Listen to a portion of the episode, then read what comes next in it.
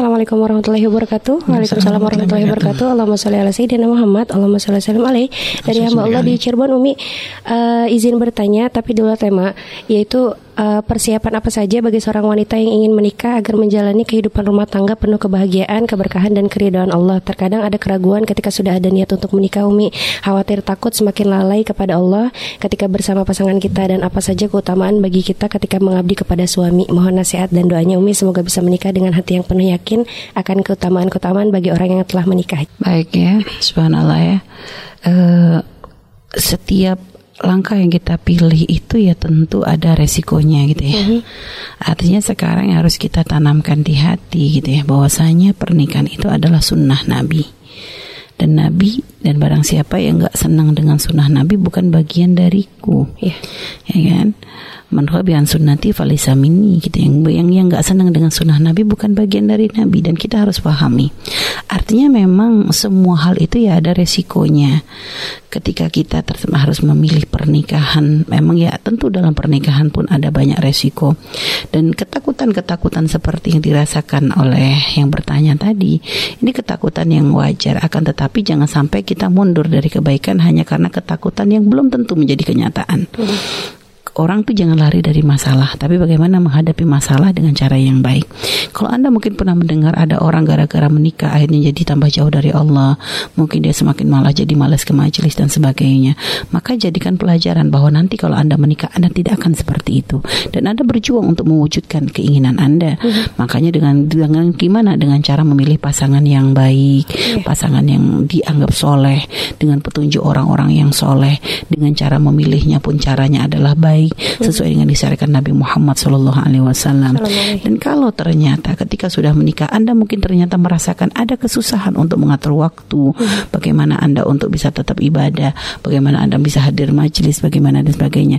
Itu wajar namanya orang dalam proses awal tuh kadang ya namanya adaptasi itu nggak gampang. Hmm. Kami dulu juga begitu awal-awal nikah untuk ngatur mana kapan harus kuliah, kapan belajar, kapan masak, kapan ngatur rumah, kapan ya itu memang ngatur keuangan mm. itu memang bikin pusing banget gitu ya akan tapi kan itu proses proses untuk membangun kedewasaan mm. ya karena memang orang tuh kan ala bisa karena terbiasa sehingga nanti kalau sudah terbiasa dia akan semakin semakin orang tuh kaget pada awalnya saja mm. gitu ya kaget di awal saja sehingga memang nanti kalau sudah semakin terbiasa nanti akan bisa adap, uh, beradaptasi sehingga nanti ya terus kita bisa menata untuk bisa menjadi lebih baik lagi. Mm-hmm. Makanya kalau memang Anda ingin Anda bisa tetap dengan kebiasaan baik Anda dari sebelum menikah, maka jangan salah dalam memilih pasangan. Mm-hmm. Jangan sampai Anda memilih pasangan adalah orang yang juga orang yang sama Anda senang ibadah, jangan memilih orang yang gak kenal ibadah. Mm-hmm. Jika Anda ingin pengen senang hadir majlis, jangan memilih orang yang malah gak pernah hadir majlis, gak punya ikatan hati dengan majlis. Mm-hmm. Atau jadi jadi intinya memilih pasangan itu termasuk penting banget. Tapi takut Umi nanti udah kadung milih gak sesuai kenyataan.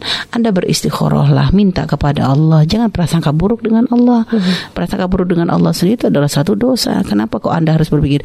Apakah jangan berpikir negatif? Bisa saja dengan pernikahan Anda bisa menjadi lebih baik kan gak mustahil yeah. gitu loh. Jadi jangan memikirkan sisi buruk yang jelas anak Anda ketika menikah niatnya apa? Niatnya menjalankan sunnah Nabi. Caranya udah bener, udah bener. Milih pasangannya sesuai istikharah. Siapa yang nunjuk nunjukin orang soleh misalnya begitu. Semuanya sudah prosedur Anda lakukan. Hmm. Tapi ternyata misalnya dalam ketika menikah ternyata Anda kok menemukan masih belum seperti apa yang Anda harapkan. Maka Anda jangan putus asa gitu loh. Anda jangan langsung menyalahkan nikah gara-gara nikah jadi begini. Jangan. Hmm. Gak boleh seperti itu. Ini ujian yang harus Anda hadapi. Hmm. Bagaimana Anda bisa benar-benar bisa menjadikan pernikahan itu adalah pintu surga bagi Anda kan begitu. Hmm. Tinggal sebenarnya kita saja yang mengatur, memanage dan sebagainya. Yang jelas nggak boleh berprasangka buruk dengan hal yang baik yang Allah sudah tetapkan untuk kita. Mm-hmm. Menikah adalah sunnatullah, sunnah Nabi kita Nabi Muhammad Shallallahu Alaihi Wasallam. Maka jangan prasangka buruk dengan apa yang dianjurkan oleh Rasulullah Shallallahu Alaihi Wasallam. Lihat kita belajar daripada umul umul mukminin.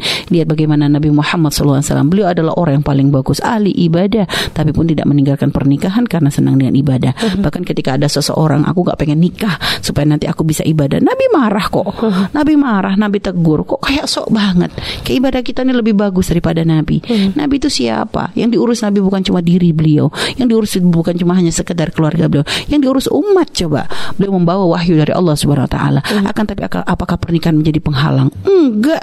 Ternyata dari pernikahannya ternyata beliau mendapatkan istri yang luar biasa yang membantu dalam berdakwahnya, dalam dakwahnya Rasulullah SAW. Sehingga akhirnya apa yang kita tahu dari Rasulullah ternyata sampai dari lisannya istri-istrinya Nabi Muhammad SAW. Bahkan termasuk Ummu Habibah ini dikatakan tidak banyak diceritakan tentang beliau akan tapi dikatakan bahwasanya beliau itu meriwayatkan hadis juga ya sekitar uh, 5 65 65 hadis gitu ya. Betul. Bahkan ada yang di, di, di, diambil dalam sahihain ya dalam dalam Bukhari Muslim itu ada sekitar dua hadis gitu ya yang dimasukkan di situ. Artinya lihat bagaimana istri-istri Nabi semuanya dalam menjadi penyambung lisannya Nabi Muhammad SAW. Jadi pernikahan jangan diprasangkai buruk ya. Kalau memang ternyata Anda ternyata ke dalam pernikahan pernikahan Anda mungkin tidak sesuai dengan harapan Anda selama ini, mungkin harus ada yang Anda benahi. Mungkin Anda yang mungkin harus lebih berusaha lebih keras lagi hmm. bagaimana agar pernikahan Anda benar-benar seperti harapan Anda untuk menjadi pembuka surga Anda, untuk membuka surga bagi suami Anda. Intinya seperti itu. Jadi uh, prasangka baik dulu, jalani, menikahlah, jalani sambil tadi dengan dengan cara yang benar ya. dan insya Allah di situ Allah akan bukakan pintu kebaikan yang banyak untuk Anda. Wallah alam bisawab. Terima kasih Dan untuk keutamaan bagi kita ketika mengabdi kepada suami itu apa aja Umi? Uh, banyak. Eh. Jangan ditanya kalau itu. udah kalau ada seorang suami udah kan sudah jelas ada ada Nabi. Kalau ada seorang istri meninggal dalam keadaan suaminya ridho, surga. Dia boleh masuk surga mana saja. Itu ya. Walaupun bukan kami mengharapkan Anda meninggal dulu. Maksudnya ini maksudnya begitu menunjukkan gitu. Uh, bahkan kalau ada seorang istri yang menyenangkan suaminya ketika suaminya melihatnya dia eh, senang mm-hmm. ketika suaminya gak ada uh, dia dia di, ketika dia amanah gitu ya mm-hmm. menjaga hartanya menjaga kemaluannya gitu ya menjaga kehormatannya lihat. Baginya surga kok sudah. Jadi anda gak usah khawatir. Kalau keutamaannya masya Allah sudah. Anda kalau sudah bisa berbakti menyenangkan suami menjadi penyejuk mata baginya anda ahli surga insya Allah. Anda belum masuk surga anda sudah disebut sebagai ahli surga dengan kesalahan anda sebagai seorang istri. Gitu. Jadi anda tidak usah ragu karena itu memang pintu surga yang paling luar biasa itu subhanallah